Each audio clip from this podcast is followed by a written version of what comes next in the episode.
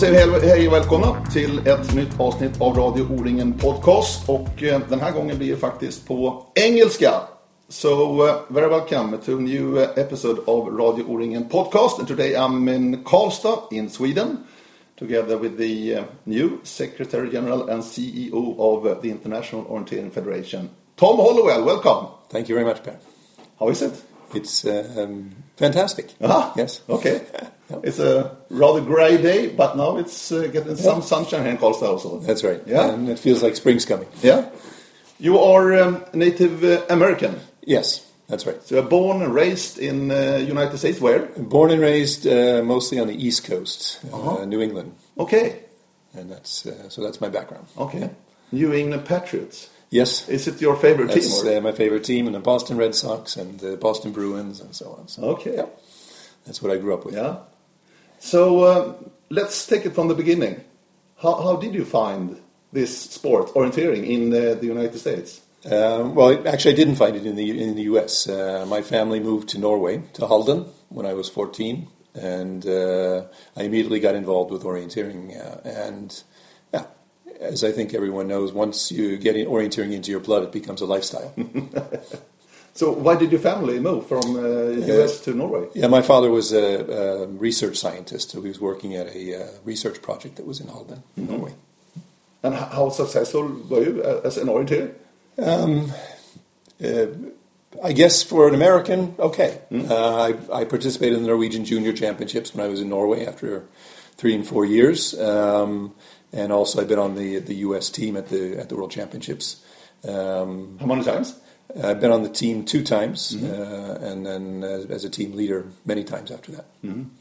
How was it in 1993? West Point, Yeah, actually, that was a period in my life when I wasn't involved in volunteering. I was living What in yeah, I was living in uh, in Holland at that time, and uh, didn't have much opportunity to do orienteering. We had small children as well. So, yeah. Ah, that was a pity. Yeah. But have you been there? It's, I've it's been there. marvelous terrain. I've been there many times, and uh, Harriman uh, is an area that I hope all orienteers should visit at some point in time. It's a fantastic terrain and a fantastic orienteering experience. in the northern part of the state of New York. That's right. And not not too far from New York City, which is uh, quite amazing actually that that terrain exists that close to a major city.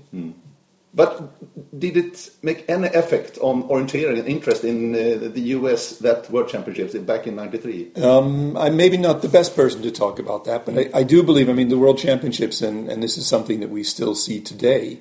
Uh, World Championships does have an effect on the countries where it's organized.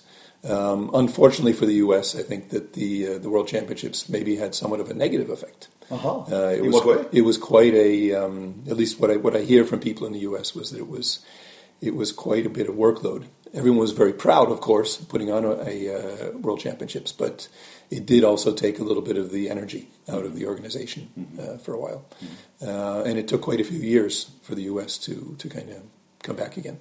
So. So uh, now you are the uh, Secretary General and CEO of the International Orienteering Federation. What, what, what does it mean in, ge- in general, Tom? Um, well, I mean, Secretary General is a title that's still needed within the sports world. Uh, and uh, when I talk with the President, Brian Porteous, uh, it is very important with all of the relations we have with the other um, sporting bodies in the world. Um, CEO is something that they've added to the title. And I guess um, from the discussions we've had, what that means is they would like me as the, the head of the organization to become a little bit more operative, a little bit more active in, in uh, um, getting involved in issues and driving issues. Um, in many places, a secretary general has really been a secretary. And in this case, I, I'm, I feel more comfortable also taking a more active role in uh, developing the sport. Did you apply for the job or were you headhunted? Uh, I applied for the job, yes. Why? Were you tempted? yeah, um, I love orienteering. I think that's number one always. I love the sport. I think it's the best sport in the world. Um, and the other thing is, I have an experience with. Uh, I've worked in management in, in large companies for a long period of time, and I do believe that I can bring some of that experience that I have from from management and from uh, working with commercial partners. I worked quite a bit with marketing and sales and so on to to bring that into orienteering, and hopefully this combination of knowing the sport and knowing how to work uh, commercially and with management, that those two things would combine together to uh, to give me the right um, let's say, the right starting point for the job. And, and you also, for, for us here in Sweden, you have the background as a director of O-ringen That's correct. for Yes. some years, Yeah, three years. three years, and two years at the managing director for Swedish Orienteering Federation. That's correct. Yeah.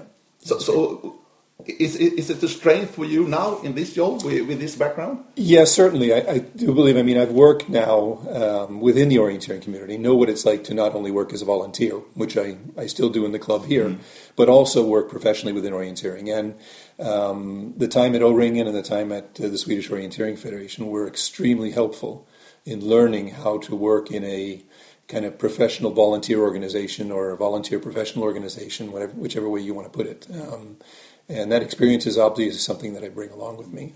Also, when I was at, um, particularly at the Swedish Orienteering Federation, but also at O-Ringen, both um, jobs were very much international focus. Um, O-Ringen, of course, is a huge international event. I worked quite a bit with developing O-Ringen Academy, which is part of the international part of it, and it's always been a very important part of O-Ringen.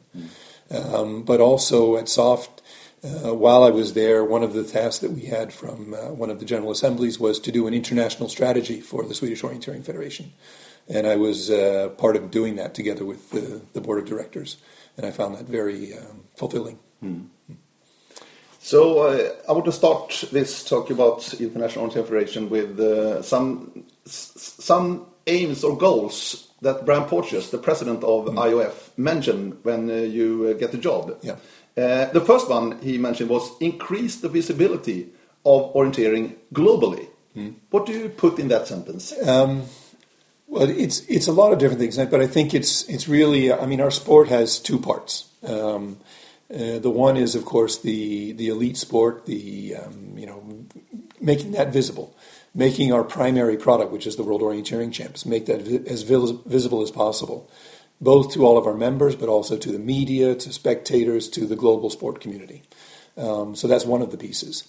The other part of making orienteering visible and attractive is what we call in IOF regional development. In other words, growing the number of places where we can do orienteering, um, growing the number of countries, growing the number of strong countries, uh, growing the global broad, the breadth of orienteering, making it more, a broader sport uh, in a global standpoint.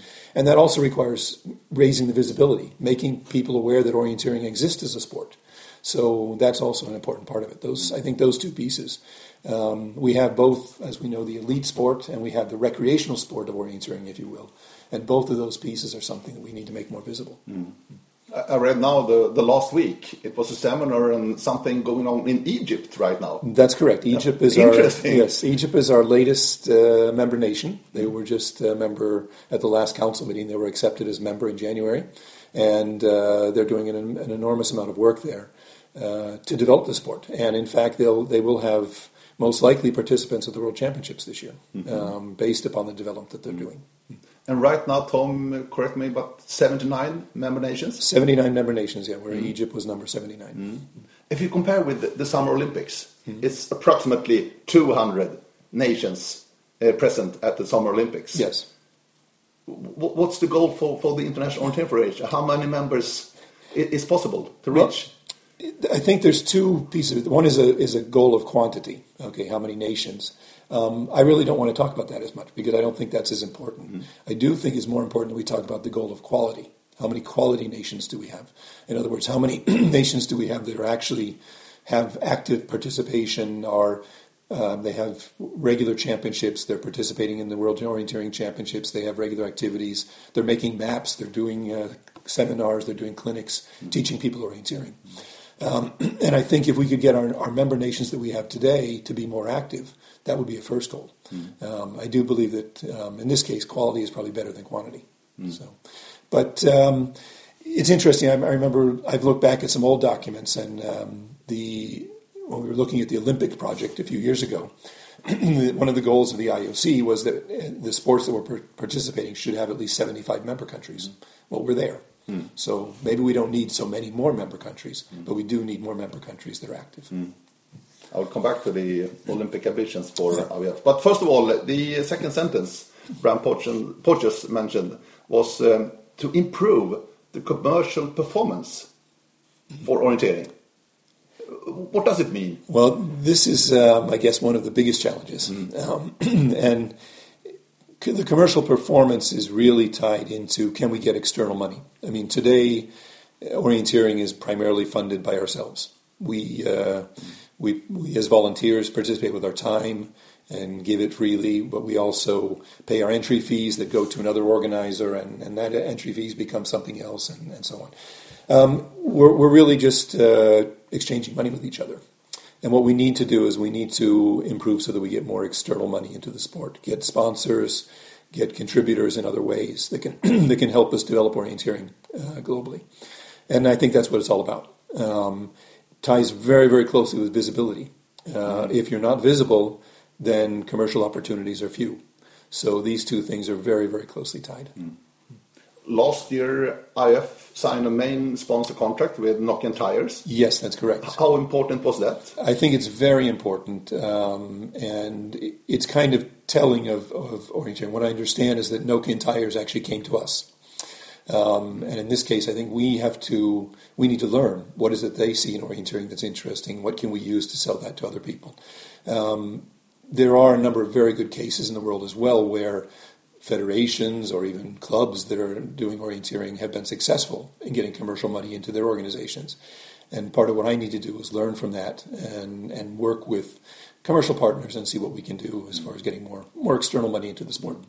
But, but you, with your background as the um, general manager for Swedish Orienteering Federation, you know that this strong orienteering country as Sweden also struggling with fine sponsors and money. That's correct, and and I think again, I mean, it, it a lot of it ties back to visibility. Uh, we need to be we need to have the visibility.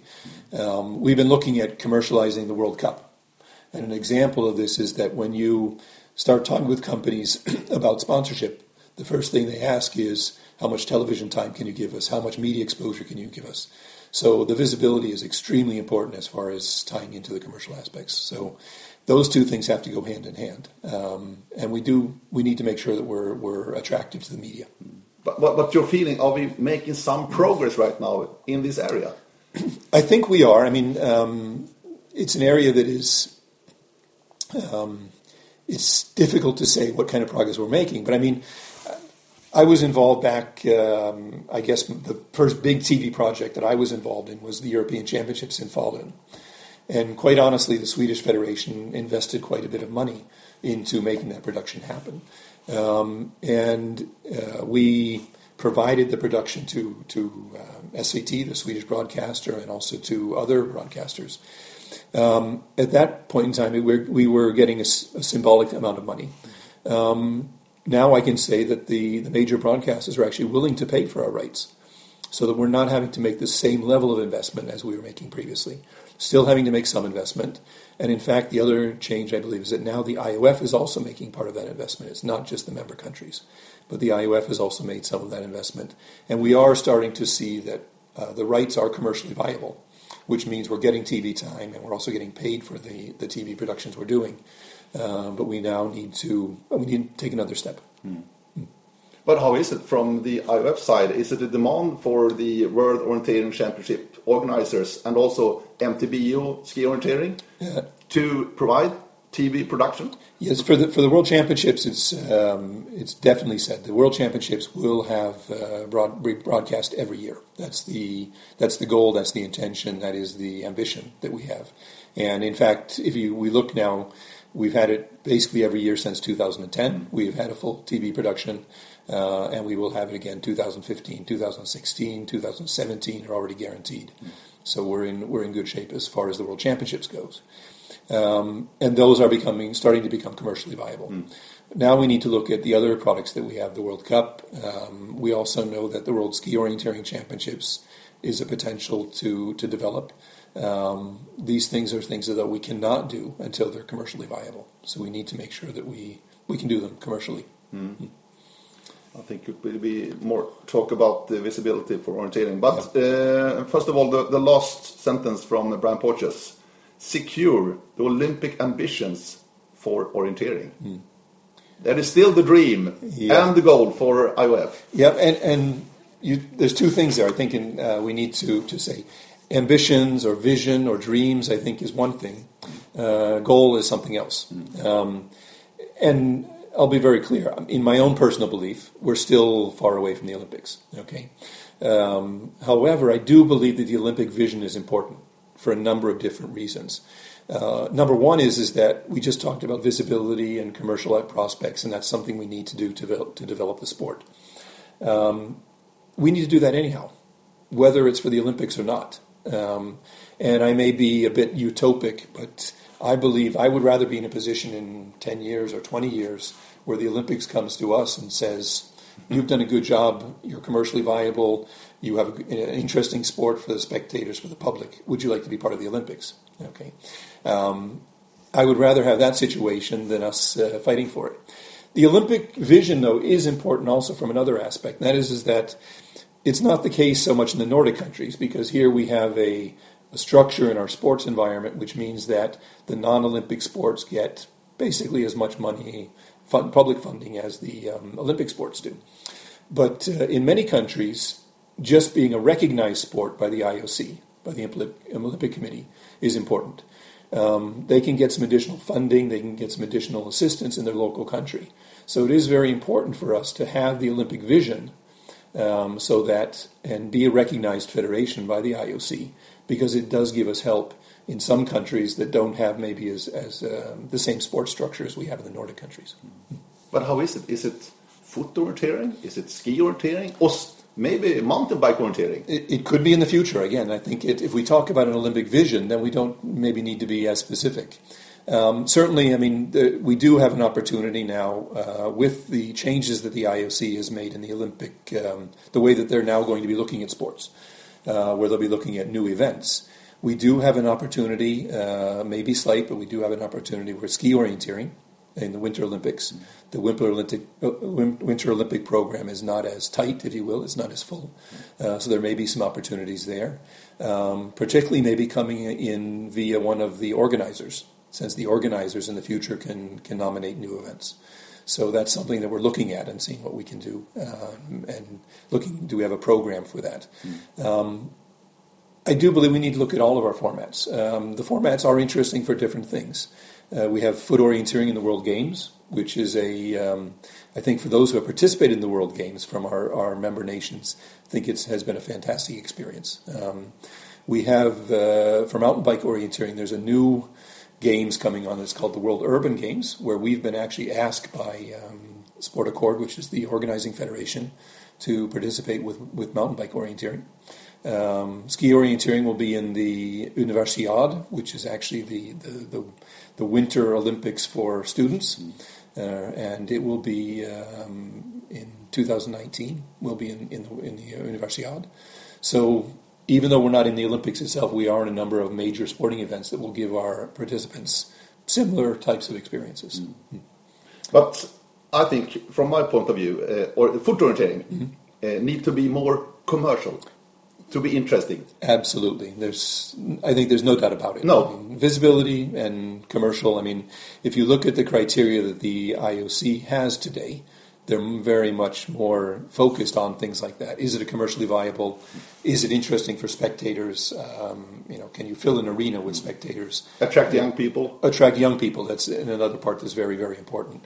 Um, and to that point, that's one of the when we talked earlier about expanding the sport to other countries and expanding it, we need to make it much more attractive to youths, and that is where a lot of the growth is is going on. Um, I've seen some of the photos from the clinic in Egypt it is a very youthful crowd that is getting involved in orienteering in Egypt, for example. Mm. You talked about the World Games. Yes. Is it the window, the door to the Olympic family, or?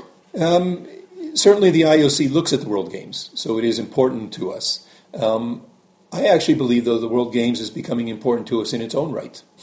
Um, it's a way for us to visualize, to get our, our, visibility for our sports, to get it out there um, to a broader public. Um, it's important in the places where we organize it. Um, and it's important for, again, for the visibility. It's something that is media. I mean, it's a, it's a way for us of getting media attention mm. and for getting some more attractiveness to the sport. Mm. Yeah. Every fourth year of our games. Every fourth year, and uh, 2017 will be in Poland. So we're in the planning process for that at the mm. moment. Yeah. But the last uh, edition of World Games was in Colombia. Yes. In South America. Yes. And there are not that many orienteers in South America. Uh, we had the World Masters also in Brazil this autumn. That's correct. Yeah. yeah. How important is this big, big continent? Um, South America is is important, um, and we do have a lot of activity in, in development there at the moment with new countries coming on. But we do need to see some additional growth. Um, there are um, we have a regional development um, group going on. The the IOF recently started a new commission, a new working committee um, called the Regional and Youth Development, which is, I think, an important step for the IOF. Mm-hmm. That now put it in, in, in, my words, I would say we're taking it seriously. Okay, um, Astrid Waaler Kaas, who is the vice president in charge of regional development, will be leading this commission initially, um, but it will be involved in trying to get the sport to grow in, re- in the regions. Uh, it's the, maybe one of the first times I've seen a really true, strong initiative to make things happen as far as regional development goes. And one of the focus areas is South America. Um, and it's easy to say the World Games was in Colombia and it disappeared and nothing happened, but in fact, there is a, um, activity in Colombia. There's orienteering activity going on. They're using the maps that were done for the World Games. There is things going on. Um, it may be something that's not very visible to us at the moment, but the reports that we have from Colombia is that they have maintained activity after the World Games. Oh, that's good. Yes, that's very good. That's great. Yeah. That's great. Uh, so we will continue with some uh, talk about uh, the World Cup and yeah. the, the, format in the future. But first of all, Tom, uh, how does it work practically for you? You're living here in Karlstad, Sweden. That's correct. The IOF office is in Finland, in Helsinki, the capital. Yes. How does it work for you? Well, it, um, at the moment it works, for me it's working fantastic, I think. I have about uh, three meters between my bedroom and the office, which means I can work all the time if I if I need to. Now, um, seriously, the the way we we're doing it now is I'm working from the office here and um, in my in my own home, and I go to Helsinki one or two times per month.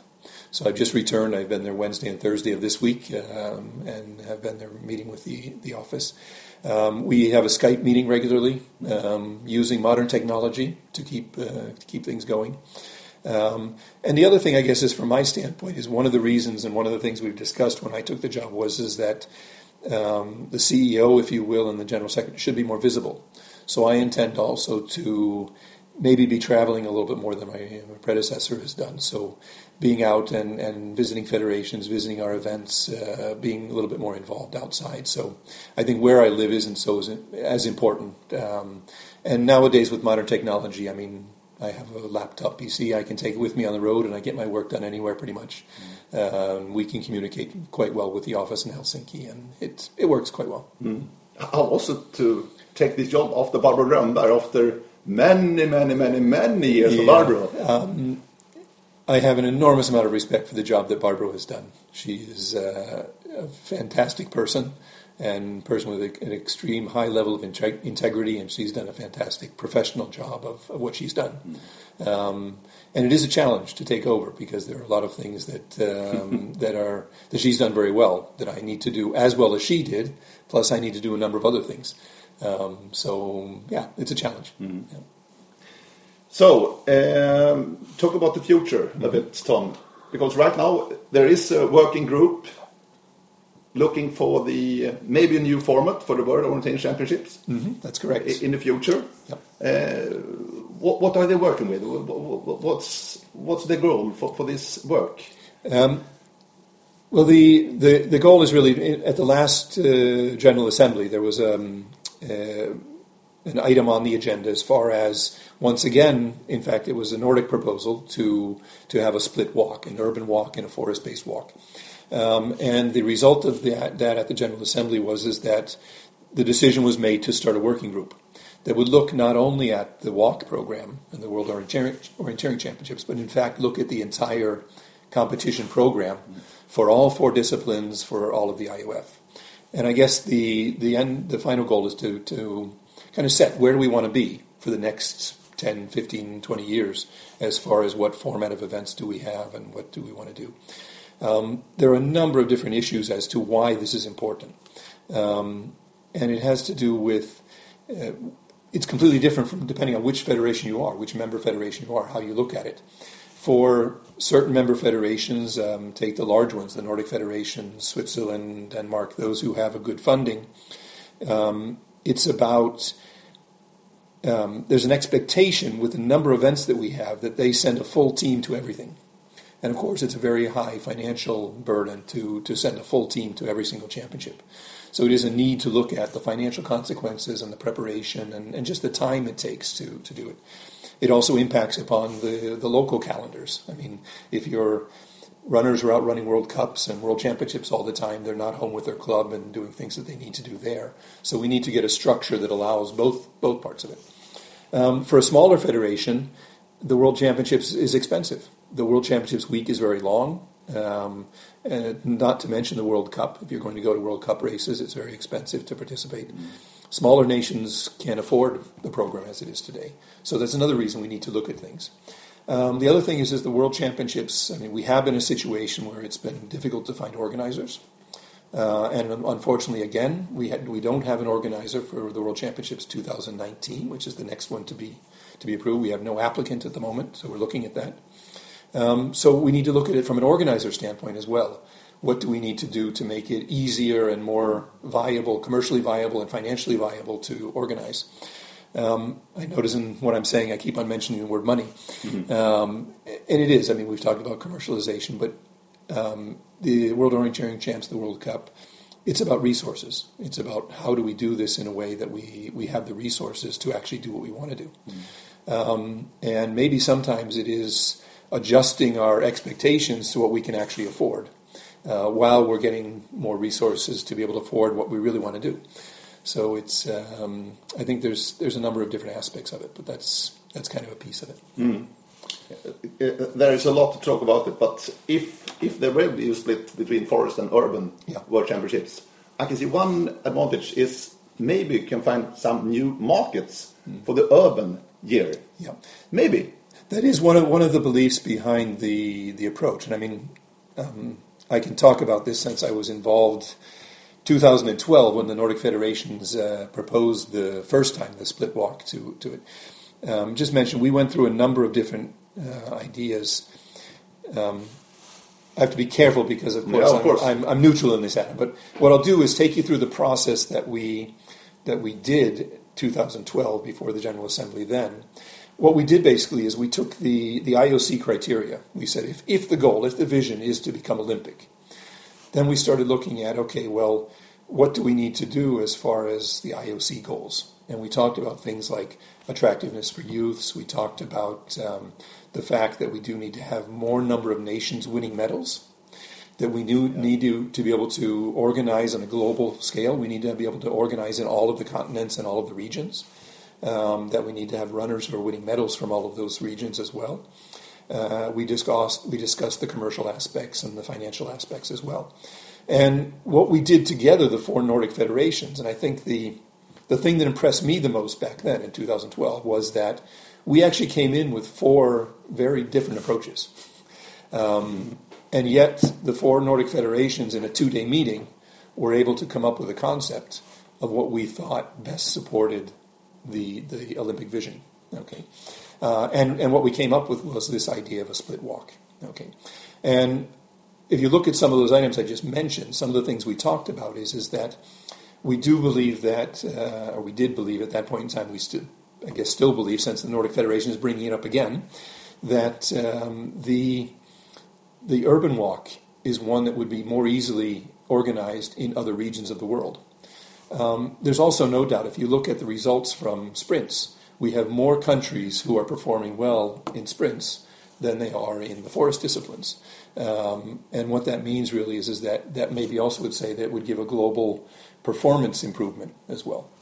Um, another thing that I've seen, and this is maybe more um, personal belief, is is that, and we did we've done some investigations with youths back when I was at O-Ringen. We actually did some we, we asked some questions to youths about what did they want to see in the future of orienteering? Um, and youth said more sprints and more relays. that was kind of a general a general uh, point that came up. Mm. So I do believe as well that you know the urban formats maybe do have a little bit more attractiveness to youth as we're coming forward, and I may be um, uh, you know it may be a little bit difficult to get this across, but sports evolve, sports change. Uh, we need to be aware that maybe our sport won't look like it does today in 30 years, 40 years, mm. because it is very much going to be dependent upon those who participate in our sport, who drive it. Mm. Um, I still love myself. I love to go out in the woods and run for an hour and a half and have a real, true long distance competition. Um, but I do see that maybe youth don't see it that way. Okay, and we need to be attuned to that. So that's one of the parts as, as far as attractiveness to youths goes. I think that may be an important part. Um, we also one of the one of the reasons for the, the, the split WOC concept that we talked about was also did get involved in the financial issues. If you have a shorter week, which you would have with a forest and an urban version, then you it costs less. I mean, it's for a, for for a um, national team, the cost is pretty much cost per day. Okay, um, and that can be calculated quite easily. If you can reduce the number of days, then you reduce the cost. The other thing that was discussed is, is that um, an urban WOC, and this is maybe another point, today the large nations um, spend three or four weeks a year, um, or three or, three or four weeks prior to a, to a WOC, going to future WOC terrains and, and checking out future WOC. So, um, I mean, I think already I know that I would talk to our Estonian organizers. They're already getting questions now about training camps in Estonia for 2017 from national teams. Um, to me, this is both a fairness issue and an issue of, of finances. Okay, um, and if you have an urban WOC, one of the things that at least the the, the Nordic um, Federation manager said was that an urban WOC we can prepare for at home we don't need to be um, on site to prepare for an urban WOC. So for that type of like the Danish runners in Venice. That's right. I mean, it's uh, it's something that's much more easily to to sprints and, and urban formats you can practice at home in a larger degree. So maybe you don't need to travel out to the to the WOC locations, which again for me is also a fairness issue. Now we're allowing also the smaller nations who can afford to go and prepare ahead of time to also uh, be involved. So. Um, that's two two parts of the same question. Mm. So, mm? but it couldn't be a problem if you take your if you take it from the broadcaster's view. Mm. Maybe more interesting to produce and broadcast the urban world championship than the forest. Um, Cheaper. Maybe actually, the cost, in fact, of broadcasting is no. There's no big difference. Um, we need in fact, if you want to do a good sprint production, you probably need more cameras at a sprint than you do at a forest because in a sprint there's an expectation that you can see people all the time. Uh, in the forest disciplines, we can accept fewer cameras, but maybe use better GPS tracking and other elements. So actually, actually, the production per day doesn't. There's not much of a difference between an urban format and a forest format. Um, the question really becomes what's the attractiveness of the, the forest formats and the urban formats going forward. And um, I still believe that the forest formats they are the true soul of our sport. We need to to, to you know build upon that. And the other thing is, um, I don't only believe that it's the urban format that's easier for certain countries to to organize. I also believe that there are countries that it would be much better if they only organized a forest format. Okay, or that may be easier for them to only organize a forest format. Um, many places in the world, we may have difficulties getting the, the permissions to use urban areas, okay, but they may have fantastic forests. Um, and that's, uh, I think, is a, a, place to, to then uh, organize the forest formats. As we know here in Sweden, where we live now, I mean, sprints in Karlstad aren't always the most exciting because no. uh, the structure of the, the, the, buildings and so on. So maybe a place like Sweden is better just to stick to the forest formats, even though we have some interesting sprint areas. Mm-hmm. That's not what I mean, but it's it's not in general. Maybe that would be something to mm-hmm. think about. So, so when uh, shall this uh, working group be, be, ready for some proposals or from, um, the, from the job? Yeah, the, the working group is at the moment, um, there's a number of different pieces that they're looking at. Mm. Um, there's already been done some work on the World Cup. Uh, there's been some answers given back. At the moment, there is a letter out to all of the federations and to all of the um, an expert group to get answers about the split WOC. How do countries look at the split WOC, and how is it how is it viewed? Um, and the next step is then to start looking at more elements of the program. How does the European regional championships fit in? How do uh, the youth championships fit in? How do other things? And also start looking at the other formats, the ski-O and mountain bike orienteering and so on. The intention is is that um, by the President's Conference, which will be this summer in Scotland, there will be a presentation of the status and some kind of a um, a discussion and presentation about what, what the where it's leaning, where we're, where we're headed. Uh, and then there'll be one more year before the next General Assembly to kind of put it all together again, get probably another round of comments and get this all together. And the idea is that at the General Assembly 2016 in uh, Strömstad, here in Sweden, take the decision on uh, what the new format will be. Mm-hmm. So. Okay. Uh, we talk about a lot of money and financial and fundings. Yes. And let's talk about World Cup. Yes. The first round this year, mm-hmm. Australia, Tasmania. Yep. Uh, it was Sweden and Switzerland with the full teams, you can say. Yeah. Uh, present there. Mm-hmm. Uh, of course, Australia and New Zealand was already at home. Mm-hmm. Uh, but that was not that many full teams in this World Cup round. Mm. How come? Is it all about money? Um, in this case, I believe, yeah, I believe money is one part of it. You know, I mean, obviously, it's expensive to to go to um, to Australia and Tasmania in this case for for the events. The other thing was maybe a little bit timing. Okay, um, immediately after the Christmas New Year's uh, period uh, is a little bit difficult difficult time for maybe European nations as well um, and just timing of, of it being so far away from other events in the World Cup and so far away from our natural season, if you will. Um, the organizers did a fantastic job. It was a fantastic event from an orienteering perspective. Um, but yeah, I mean, you're you've hit the nail on the head. I think um, it's not good if we have a situation where we have a very few number of countries and actually just a few national teams there in official capacity. And I understand the cost issues, I understand, but um, in this case, the World Cup, it's, it's questionable. In my point of view, it's questionable. Mm. Yeah. It isn't any value in the World Cup for the runners, or um, what's your feeling? I do believe that the World Cup has value, um, and in fact, we need to improve the value. Okay, it does have a value for the runners. Um, we did get some some media exposure for the World Cup, um, and it was very important, even in Tasmania. So I do believe it's important for visibility. My own personal belief is, is that the, the World Championships is always going to be number one, and the World Cup is number two, if we can have a viable World Cup.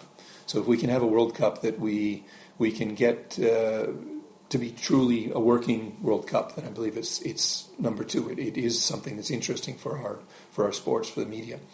Um, the media representatives I've talked to have said um, the World Cup we have today doesn't work for them. Okay, um, for the one thing, it changes every year the format.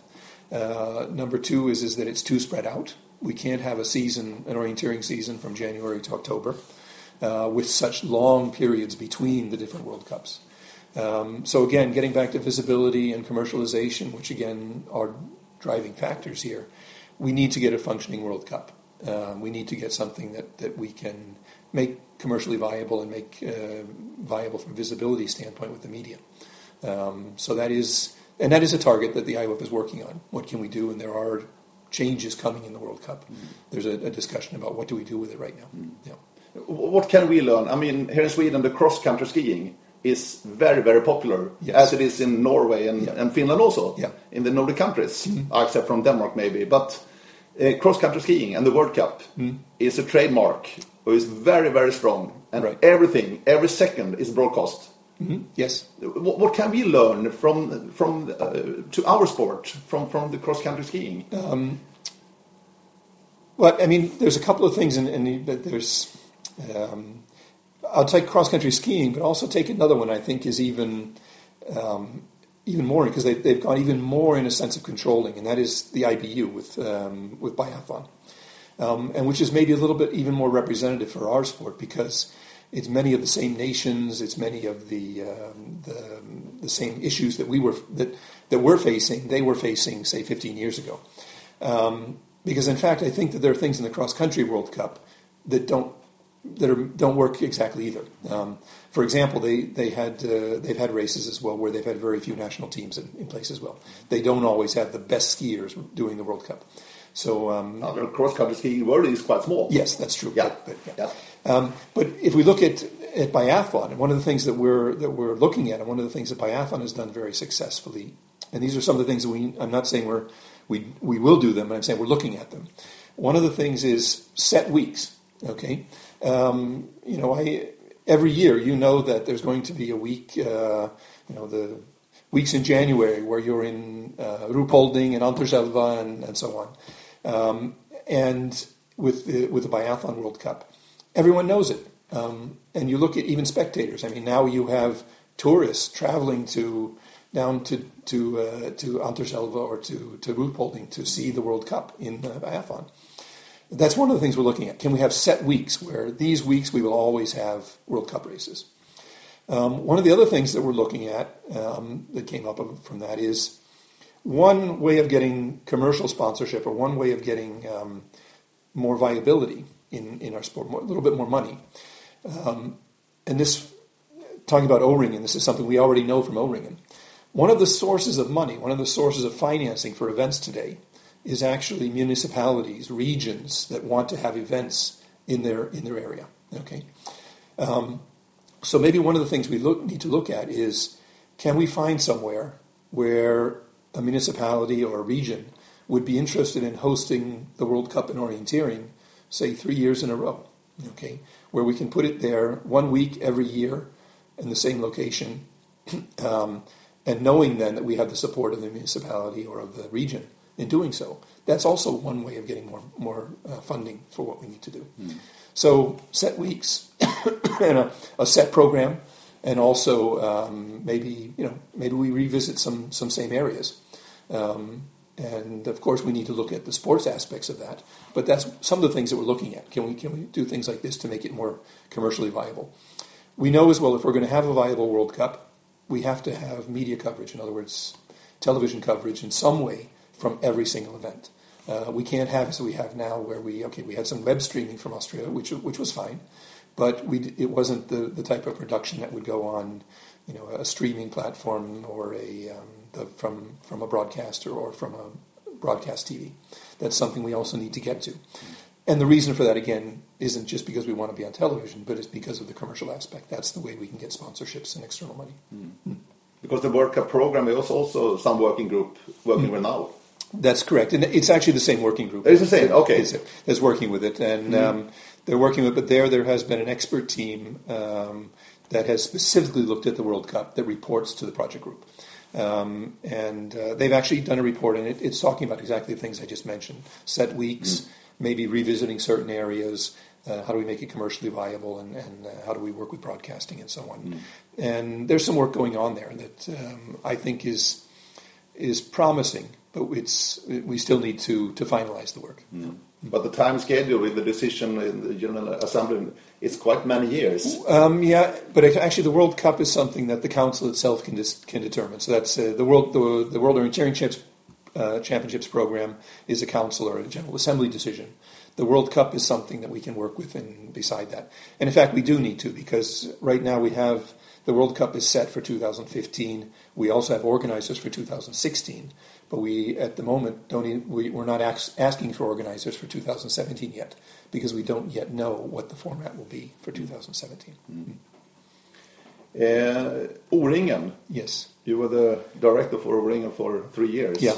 Uh, what does it mean for, for the sport orienteering globally, uh, O-Ringen? What's your feeling, Tom? Oh, I, am I mean, I'm, I'm, biased in this question, so I'll, yeah, yeah, of course. It, but I mean, O-Ringen is something um, that I'm glad to to report. I mean, I, I was at my first council meeting in January, and we were discussing dates for other IOF events, and I was very pleased to to notice that in the council they said, "When's O-Ringen that year?" that we need to make sure that the O-Ringen, uh, that we're, we're, taking consideration of O-Ringen when we're discussing dates of other IOF events. So O-Ringen is very important to the IOF. It's very important to the global orienteering community. Um, I think I said this when I was the, the, the, manager of O-Ringen was that it's the mecca. It's the place where I think every orienteer in their lifetime should come to O-Ringen at least once. And I still believe that. I mean, it's, uh, it's an experience. It's something that we need to do. Um, O-Ringen also needs to continue to develop more and more towards an event, um, not just a competition, but even more to an event. It's, it certainly has made that progression, I think, in the last five or six years, but we need to continue making it even even bigger happening um, to not only get orienteers there, but also to get uh, non-orienteers. And uh, well, we'll see if we can help. We're, we're doing O-Ringen in 2017 here in Värmland, mm-hmm. uh, which I'll be involved in. I'm, I'm looking forward to that. Mm-hmm. When when did you visit or ran uh, O-Ringen for the first time by yourself? Uh, let's see, 1979 in Örebro. Ah, yes, yes, yes. So at that time, O-Ringen was quite small. It, it was. Uh, yeah, I was running for a Norwegian club then, but even at that point in time, I mean, the Norwegian clubs were were starting to to see O-ringen as a as a good summer activity. Mm. So, and for me, it was a fantastic experience. It was uh, it was amazing. Mm. I think it's something that it's a memory. I mean, I had I had been orienteering for three years when I came to my first O-ringen, and for me, it was one of those things that made uh, orienteering more interesting and made orienteering, you know, a, a valuable part of my life. Mm. Because now also the last year, as we heard from Thierry Gueorgiou, mm. the best male orienteer ever. Yeah he is so happy to win O-ringen. Yes. Yeah. The flagship of orienteering. Yeah, I mean, um, I think O-ringen is there. I mean, if you you know you look at one of the things, it's it's a very important goal for for a lot of people, um, and it's also just a fantastic week of vacation. and I think that's I mean that's the great thing about our sport is that you can be at the highest elite level, and you can do that. In fact, in any age group. But at the same time, if you just want to go out and have a nice walk in the woods with a map, when you want to, you know, get yourself around the course and compete with the people in your club or your daughter or son or whatever, um, you can do that as well. And I, I, believe, I really truly believe that is one of the greatest things about orienteering mm-hmm. is that um, we can provide something to people at all levels, um, and we. It, it's it's a unique sport. It's a, it's a, it's very unique in that sense. There's not many sports that can provide that. Mm-hmm. Tom, it has been a pleasure to meeting you. Uh, what's on the agenda of the near, nearest future for you in this job now? Uh, well, I, have been uh, right now. I've been traveling for three weeks, so for at the moment now, I have a lot of work to do uh, here at home in the office, just uh, catching up on things. But in fact, the things that are on the agenda are things we we've been talking about. Mm. The uh, we're now collecting in all of the answers about the World World Orienteering Championships program, which I'm looking at. Um, we're working with the World Cup um, decisions. Um, I'm helping the Regional Youth Development Commission getting started up here as it's uh, just been decided, and we're now getting all the members in place that are going to be working with regional and youth development. Um, there's a lot of exciting projects going on, and there's more than I, there's a lot more that I would like to do um, than I have time for at the moment. But um, it's all about priorities and getting getting the things in the right, going in the right direction. I wish you the best of luck. Yes, thank you, Pat. And Secretary General and CEO of International Orienteering Federation, Tom Hollowell. Do we have any comments or a dream guest or something? Please send a mail to radio at oringen.se. So we say bye bye from Karlstad in Sweden. Have a nice day. Bye.